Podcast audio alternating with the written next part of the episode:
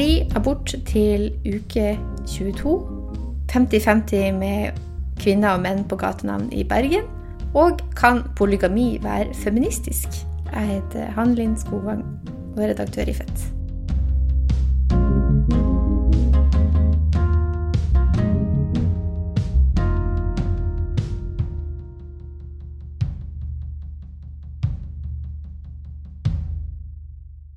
Men før vi begynner å snakke om disse tingene, så eh, må jeg jo si velkommen til dere, Mari Lilleslåtten, og kanskje særlig til deg, Jenny Schnaller, for du har jo født barn siden sist. Ja, ja det, det skjedde. Og det er veldig spennende å være tilbake nå. Jeg føler jeg er fortsatt litt sånn i ammetåka, men jeg er veldig klar for å snakke om eh, feministiske ting, fordi det er det faktisk veldig lite av eh, akkurat nå, sånn ellers. Det blir ja. spennende for oss å være liksom vitne til ammetåka minutt for minutt, men uten at du har tenkt til å snakke om babyproblemstillinger. Ja, fordi det blir jo veldig mye babysnakk eh, når man har født en unge. Det er jo sånn klisjé, men det er jo faktisk sant. Så nå tenkte jeg det blir deilig å snakke om noe annet enn eh, ja hvilke ting man burde kjøpe, og, og hvilken unge som sover lengst, og ja. Så jeg er veldig, veldig glad for det. Ja, jeg er jo på full fart vei inn i den der fasen, så jeg syns òg det er litt deilig å få en pause fra hva slags utstyr må man ha, og sånn. Jeg aner ikke hva dere snakker om. Så Nei. jeg kan holde, holde fortet og minne dere på det hvis dere skulle skli inn i det der. Ja, det er bra.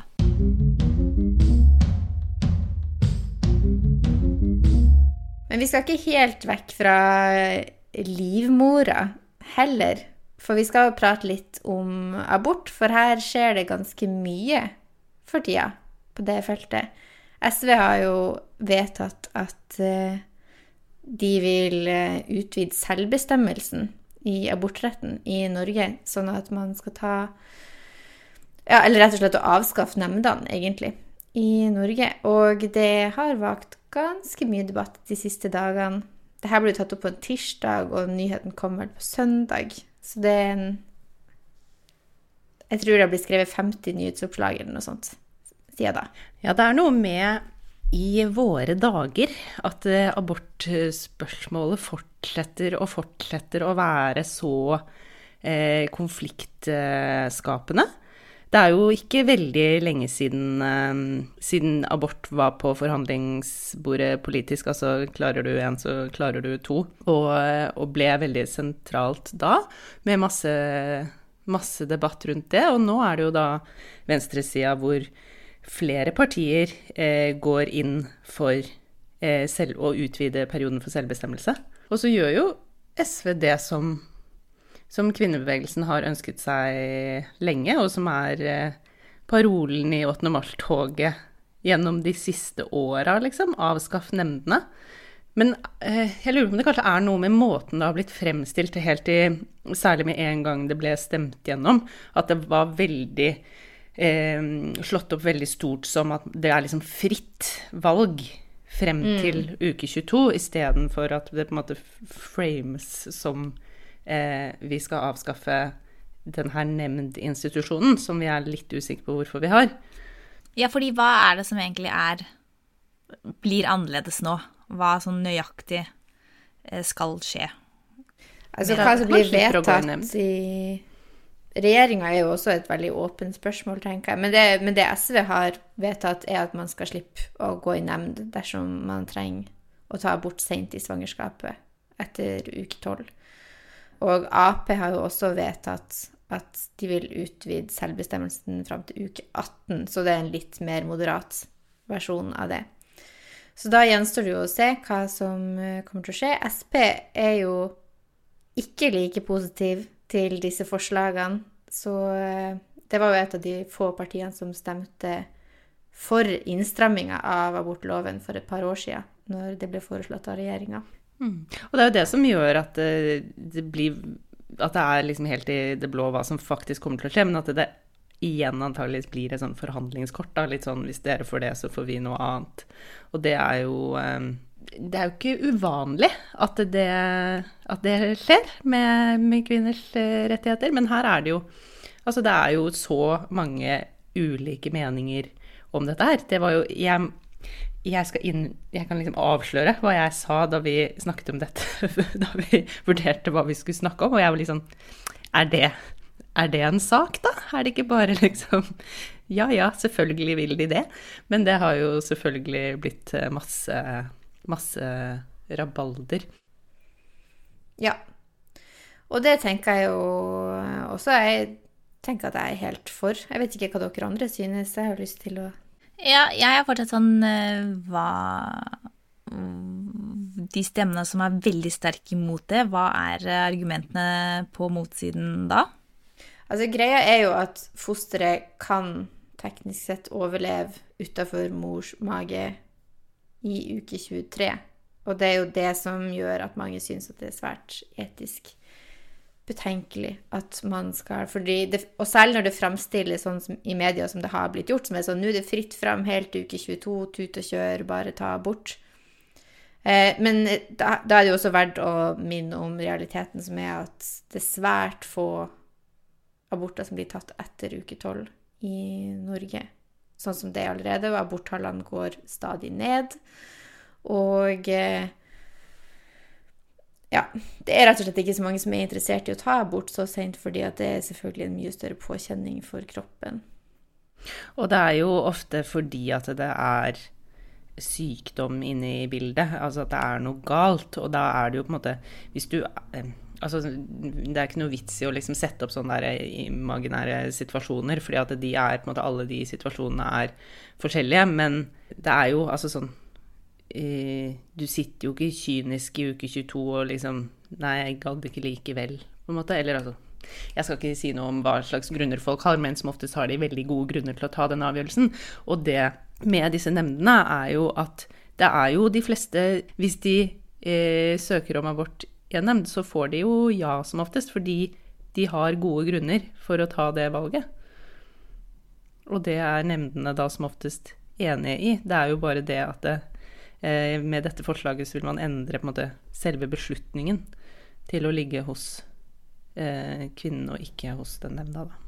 Ja, jeg blir litt sånn sur også, egentlig, når jeg tenker at det fins folk som tror sånn ja, at kvinner bare er så sånn generelt sånn ansvarsløse at 'Å ja, nå kan jeg ta abort helt til uke 22.' Ja, men da tar jeg det én dag før, fordi det spiller jo ingen rolle. Altså, eh, jeg tenker jo at kvinner flest vil jo ikke ta abort i det hele tatt om det ikke er veldig nødvendig, eller når man ikke har en god grunn til det. Og da gjør man det jo oftest eh, også heller tidlig enn seint, tenker jeg, fordi det skjer jo mye med kroppen. Og eh, ja, jeg tror bare ikke at eh, kvinner flest hadde frivillig venta så lenge, selv om det hadde vært en mulighet. Så um, ja. Nei, akkurat abort er liksom en ting som du ikke har lyst til å prokrastinere på, fordi at eh, det er jo en kjempestor påkjenning for kroppen også å gå gravid i mange måneder. Så eh, det er jo helt latterlig, tenker jeg også. Men eh, ja, nei, det kommer jo til å bli eh, spennende å se hva om det faktisk om det blir en reell liksom, endring mm, med, hvis det blir ny regjering, og hvis dette er en av sakene som skal på bordet. Ja, og det har jeg jo også lyst, lyst til at vi skal snakke om. fordi én ting er jo at vi kan sitte her og være enige eh, som feminister om at eh, ja, kanskje det, vi blir kvitt nemndene så fint. Men det som man sa når KrF først gikk inn, eller begynte å forhandle med Høyre om abortloven, og det var vel første runde allerede i 2014. Da var det vel reservasjonsretten. Og så igjen noen år senere, når de skulle inn i regjering, var jo at nå er abortloven offisielt i spill. Den har fått ligge urørt siden den ble vedtatt i 78. Og nå kan alt skje.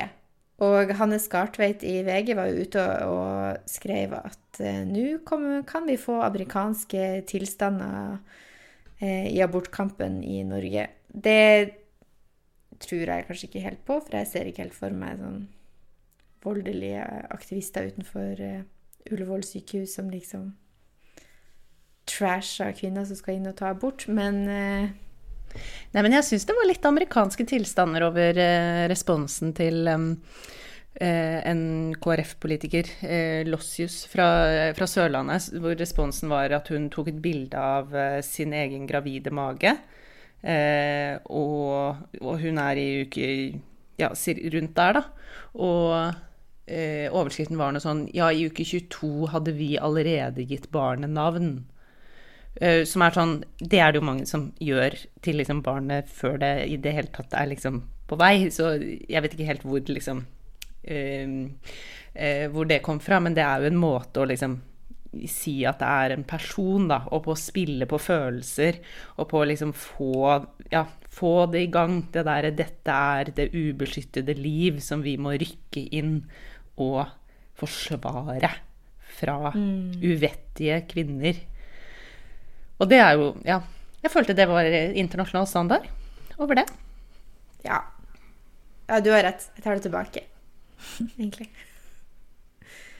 Ja, og det er jo egentlig overraskende eh, Nå som eh, Den debatten foregår jo overalt, egentlig. Eh, og jeg var Det er kanskje ikke overraskende at også i, i Tyskland er den også veldig hot for tiden, fordi eh, Akkurat nå så ble faktisk en lege tiltalt eh, fordi hun hadde informert om abort på hjemmesiden hennes. Og det er altså fortsatt ulovlig i Tyskland, så hun fikk en stor pengestraff. Um, så det er uh, spennende. Sånn I Tyskland er abort faktisk fortsatt ulovlig, offisielt. Men man kan slippe straff hvis følgende Altså hvis man, hvis man tar det under eh, før uke tolv, hvis man har gått gjennom rådgivning og osv. osv. Men eh, leger får da ikke lov å informere nøyaktig om abort på noe som helst sted, da. Ja, hvordan får man tatt abort da i Tyskland? Jeg må også bare si sånn på vegne av meg sjøl for to dager siden da du sa dette. Hæ? Er det ikke lovlig med abort i Tyskland? Fordi det var en litt sånn overraskelse for meg, og det tror jeg kanskje også for mange andre. Men, men hva, hvordan får man egentlig innvilga abort, da?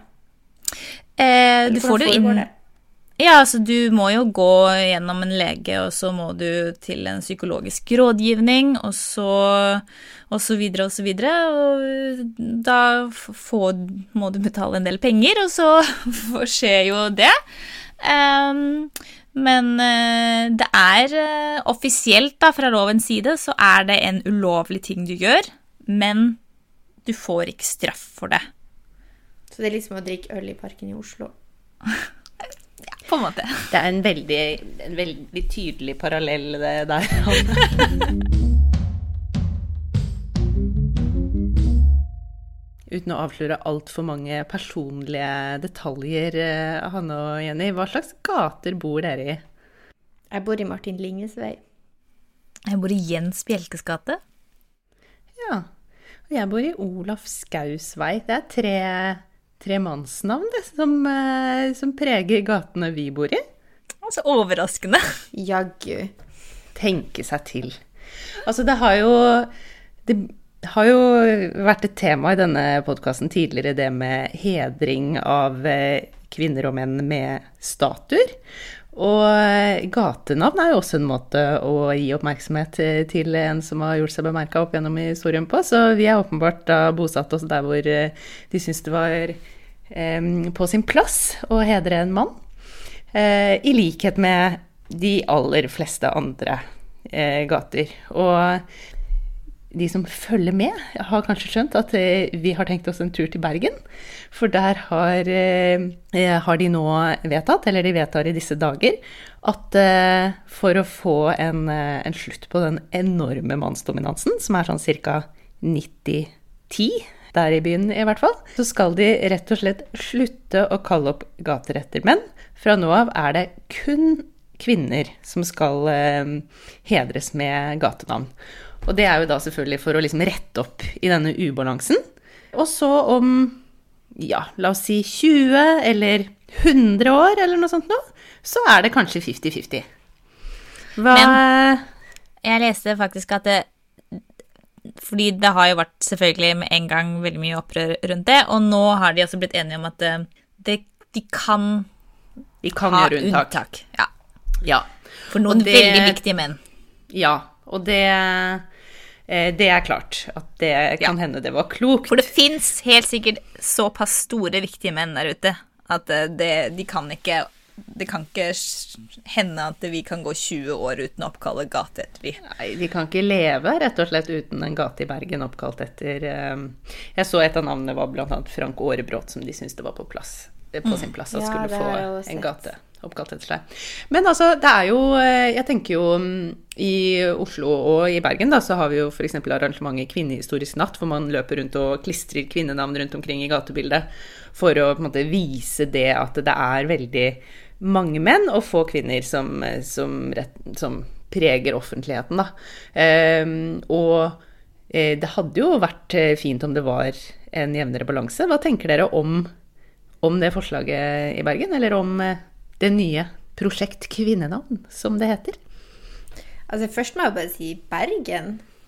De uh, -huh. gjør så mye Altså, de er i hvert fall gode på sånn eh, symbolpolitikk i bybildet. Eller sånn symbolpolitikk, det kan man diskutere om det er, men det er jo på en måte symbolsk. Sånn rent faktisk. Så derfor så velger jeg å kalle det for det.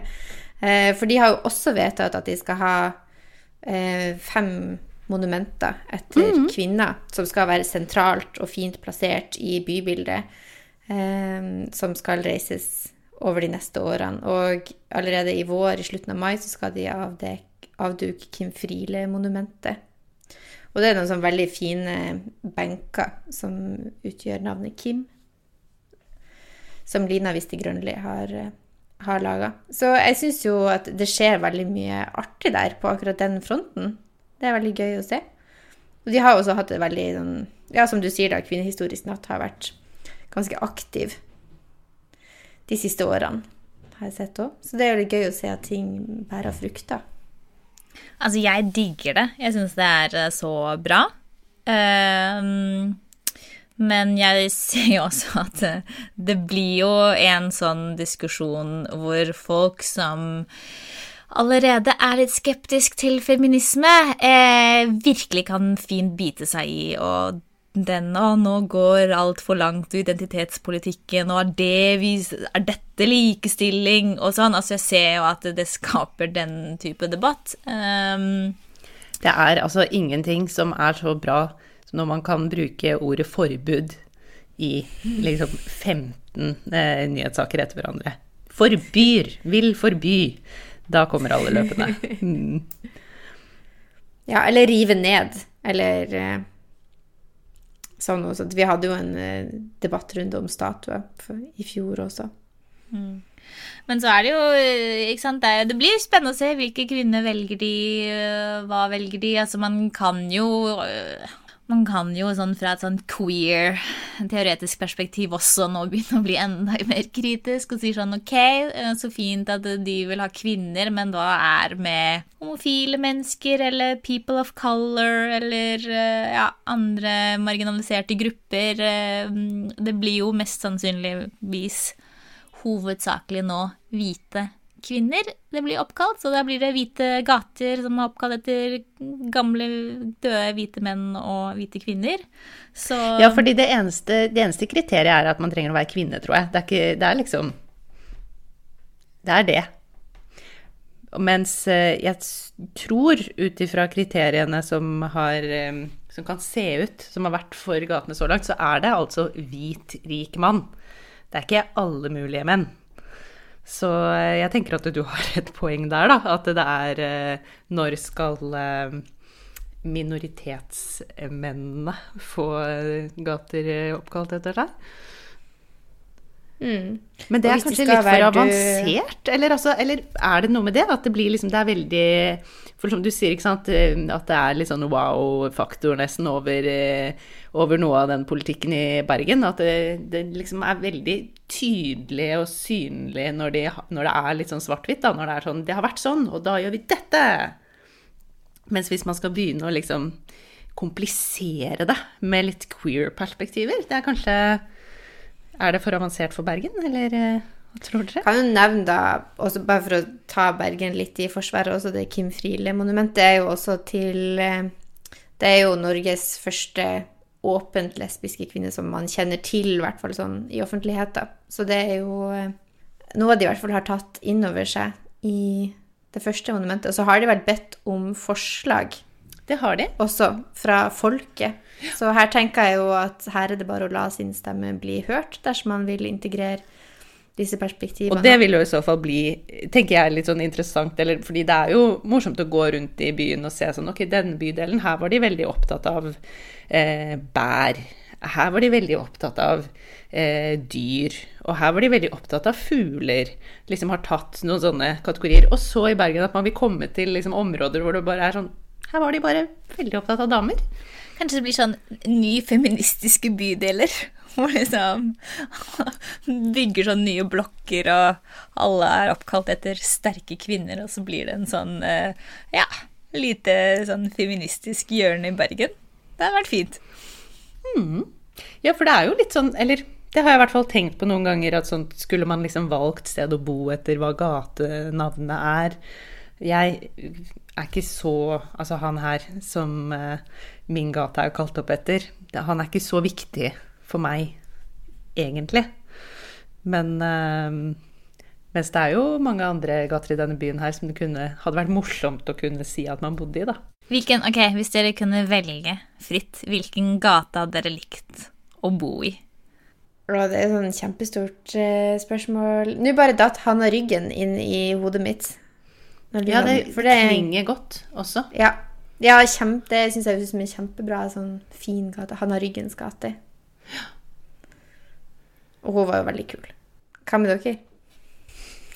Altså, Trude Drevland var jo veldig imot, men hun burde jo være på lista.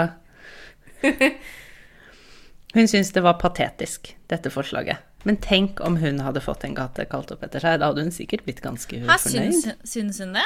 At det var patetisk? Hun brukte ordet patetisk. Hva? Det overraska meg ikke. Nei. Nei. Det er eh, mest effektivt å bruke store ord for å nå frem i det offentlige ordskiftet. Der har vi noe å lære av Bergen, altså. Til eh, tross for eh, det nye babylivet har jeg hatt litt tid til å se på Netflix, og det har jeg jo eh, altså plutselig Fra alt jeg kan velge, har jeg altså da valgt å se på en eh, dokumentar med fire episoder som heter Three Wives, One Husband, eh, som ble ganske nylig lagt til, til på Netflix. Og den dokumentaren er egentlig er noen år gammel, den fra 2016 eller 15-16, tror jeg. Og den handler altså om et lite fundamentalistisk mormonsk samfunn i Utah, USA. De bor eh, på sin egen plass for seg selv, en del familier. Og det kamerateamet følger de over et helt år på hvordan de lever. Og det spennende på en måte er altså, som også tittelen sier, at en stor del av de familiene som bor der, er polygam, eh, som betyr at eh, menn har flere kvinner. Og sykt mange barn. Veldig mange barn. Ja, for de har jo selvfølgelig veldig mange barn med hver eneste kvinne, så da har de jo plutselig 20 barn. Og jeg syntes det var kjempespennende når jeg så på det. Um, måten de på en måte forhandlet det polygame ja, forholdet på. Hadde dere liksom tid til å titte litt på den dokumentaren? Hva syns dere? Ja, altså um, Enn at du fikk oss til å se på dette her igjen. det, det Altså, jeg hadde ikke oppsøkt det selv, så sånn sett så fikk jeg jo sett, uh, sett noen spennende saker som jeg ikke hadde liksom valgt uh, på, fra toppen av uh, Netflix-hylla. Så jeg, ja, jeg så halvannen episode da, men det gir jo et ganske godt innblikk og veldig mange liksom scener fra hverdagslivet i en sånn familie som er ganske heftig. Altså en sånn mann som går mellom tre Altså han liksom Han bytter på hvor han sover hver natt, og han skal liksom passe på at alle disse damene er fornøyde og få masse barn med dem. Det er jo Altså, det er jo en fulltidsjobb. Det som jeg blir nysgjerrig på, Jenny, er liksom For du syns dette var litt interessant i et feministisk perspektiv. Og eh, når jeg så det, så tenkte jeg i hvert fall sånn dette ligner ikke så mye på det som jeg har lest om sånn radikale, polyamorøse bevegelser som vil oppløse kjernefamilien eh, eller noe sånt. Og jeg syns også at liksom den graden av frivillighet knytta til ekteskapsinngåelse ut ifra det, det, jeg kunne se, og det virka som at kamera eller sånn dokumentarteamet jobba veldig godt med disse familiene, for de åpna seg ganske mye opp. Og mange av disse kvinnene har jo sine kvaler med den eh, ekteskapsmodellen som de har gått inn i. Og de har jo sånn familieråd i den ene familien med, der det er spørsmål om de skal ha en sånn tredje kone. Og da er det jo sånn håndsopprekning. Skal vi be Lydia om å gifte seg med oss eller ikke? Som er så absurd! det er så absurd, men det er jo også sånn han ene gutten som ikke vil, da. Han blir jo også spurt sånn tre ganger helt til han til slutt rekker opp hånda. Så det liksom Jeg følte ikke at det var så på en måte sånn radikalt demokrati heller. Det er liksom en viss grad av tvang her. Og hun ene kona rakk jo faktisk ikke opp hånda heller. Nei. I den situasjonen. Nei, men um, nei, Jeg er helt enig, men jeg syns liksom det var spennende fordi jeg ble, når jeg så på det, mye de sa veldig minnet på den uh, boka som folk kanskje kjenner til eller ikke kjenner til. The Ethical Slut heter den. Den er en sånn uh, ja, kanskje sånn uh, veldig kjent selvhjelpsbok når det kommer til eh, åpne forhold, polyamorose forhold, og polygami. Eh, og er en sånn, eh, ja, sånn, si, sånn practical guide, da. Altså hvordan skal man åpne forhold, hvorfor man skal man gjøre det, osv. Eh, det mm, er faktisk også en artikkel i nummer seks i Fett som er skrevet om den boka, så det er jo absolutt eh, anbefalt å lese. Men jeg bare merket til at det, veldig mye av måten de snakka på, var liksom veldig likt eh, argumentasjon i den boka, og det syns jeg på en måte var veldig spennende. At man kan eh, bruke tydeligvis eh, denne måten å se ting på både på sånn radikal vi skal oppløse kjærlighetsfamilie og i et veldig fundamentalistisk mormonsk samfunn. Og det var Altså, det er jo en sånn scene ja, altså I boka sier de også ikke sant, vi har ikke begrenset med kjærlighet.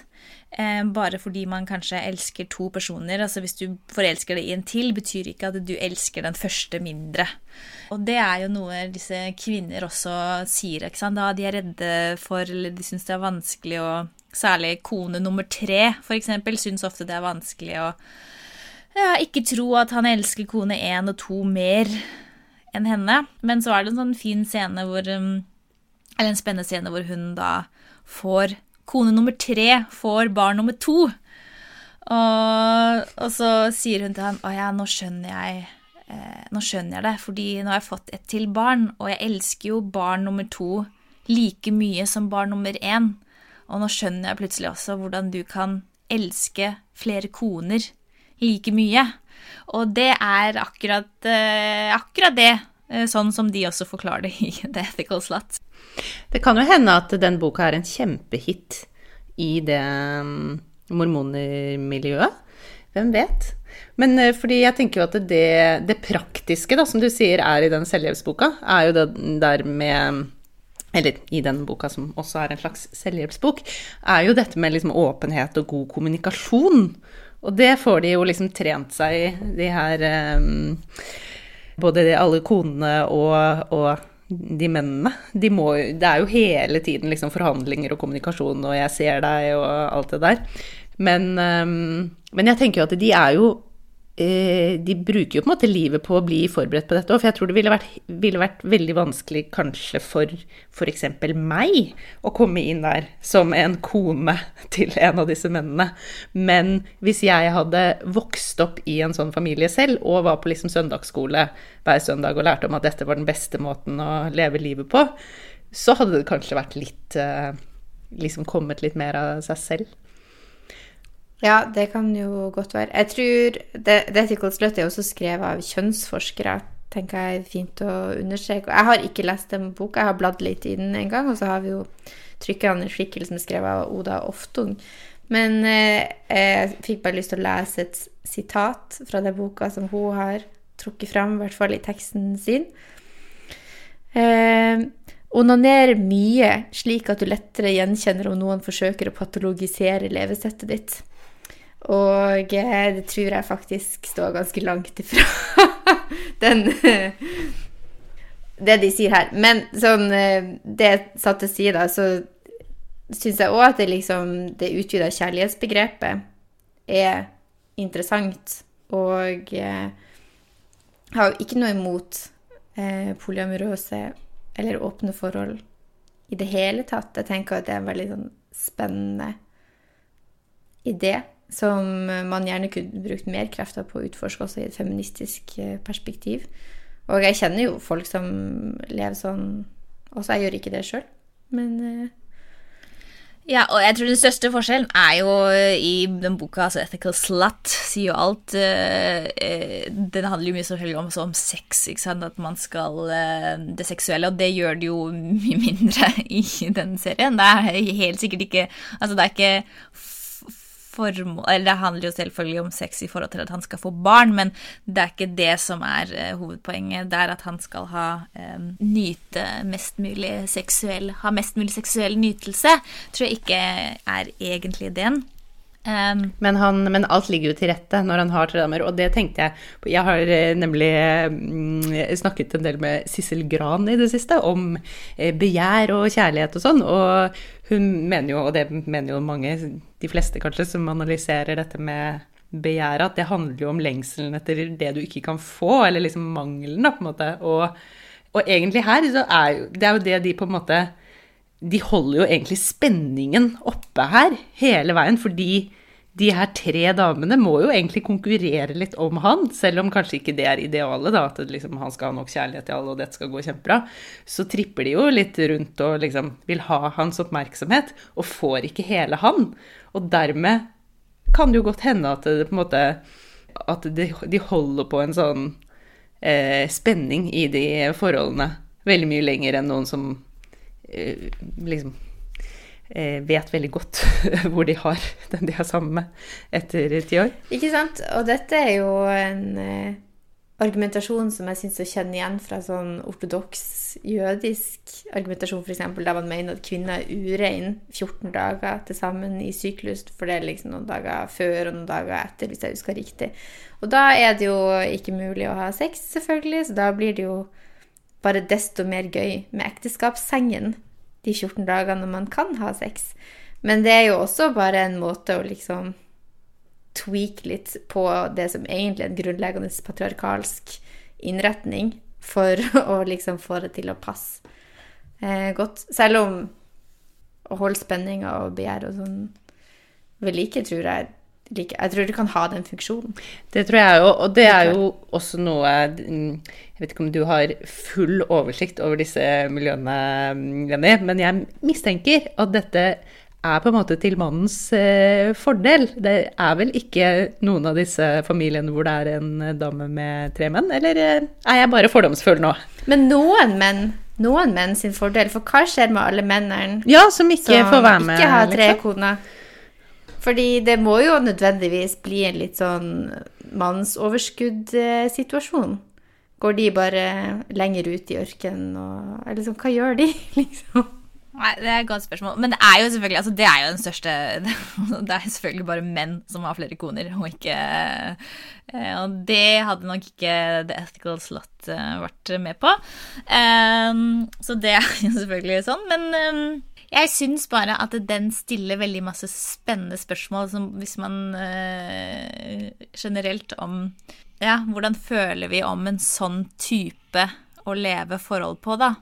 Eh, og eh, det er jo forbudt i Norge, sånn, hvis jeg har skjønt det riktig. Altså man kan ikke gifte seg med flere personer i Norge.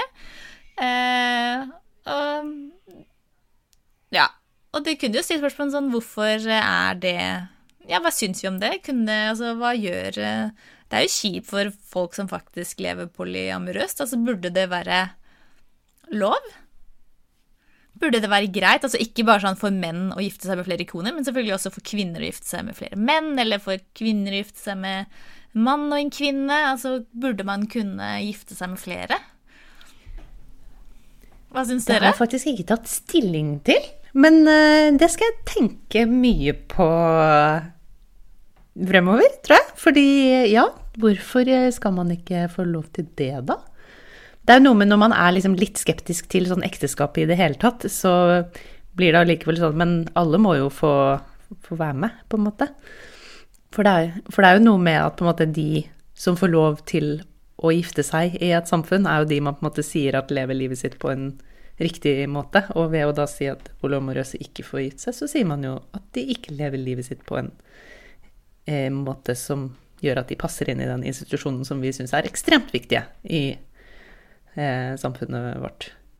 Jeg tenker i utgangspunktet ja, det kunne man godt ha gjort. Det som jeg bare sitter og spør meg om, er liksom om det fins noen sånn alvorlige fallgruer knytta til sånn Ja, typisk religiøs fundamentalisme At det liksom blir en sånn måte å bre om seg Men det er jo på en måte sånn eh, Prinsipielt sett så er det i hvert fall ingen problemer.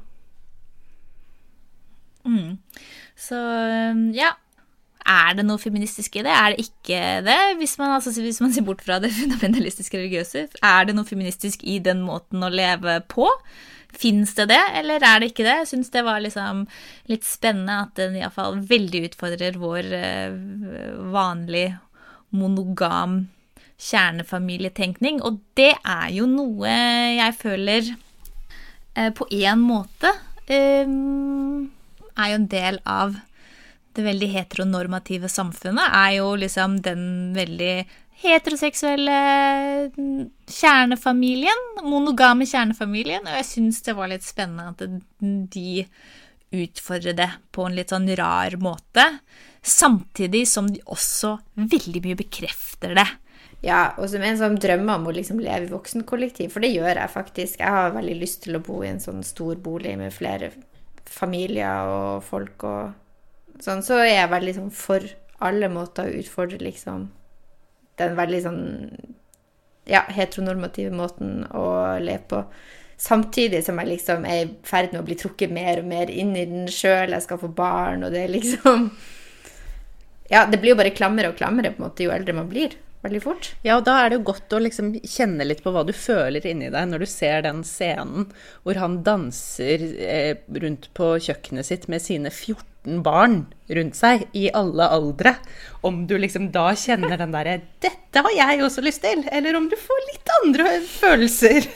Det kjente jeg at jeg fikk. Men jeg er bare veldig spent, Jenny, på hva annet du kommer til å grave frem fra Netflix fremover. Du sitter hjemme og ammer og runder Netflix og skal se alt med et feministisk perspektiv og ta det med til denne podkasten. Det tror jeg ja, blir veldig gøy. Absolutt. Så jeg, jeg skal fortsette med det, iallfall. Neste, neste episode Real Housewives of Beverly Hills. I et feministisk oh. perspektiv. Det går det helt sikkert an å gjøre noe med. Så det kan vi jo ha til gode. Vi sitter jo og tar opp uh, i et uh, program, og her heter du Anne Agreeable Presenter. Så jeg lurer på om Agreeable Presenter, har du en uh, anbefaling på tampen? Det har jeg. Unassuming Rocketeer. og denne ukas anbefaling er å se en serie der som handler om menn og følelser, men også litt bil. Alt det beste i eh, verden. Det er alt det beste. Nei, jeg har sett på Rådebank både sesong én og den siste måneden.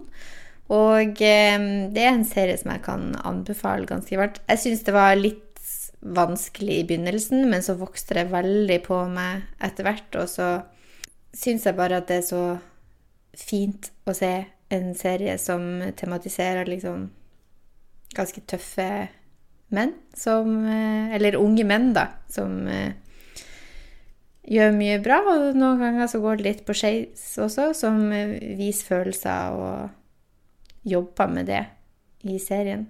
Så det er en anbefaling fra meg denne uka. For det trenger vi mer av.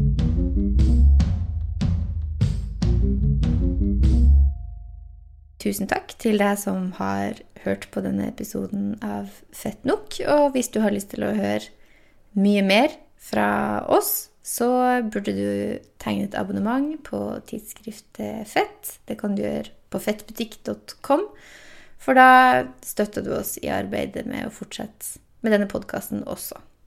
Og ikke minst får du masse bra lesestoff fire ganger i året. Neste temanummer skal handle om føde og kommer i juni.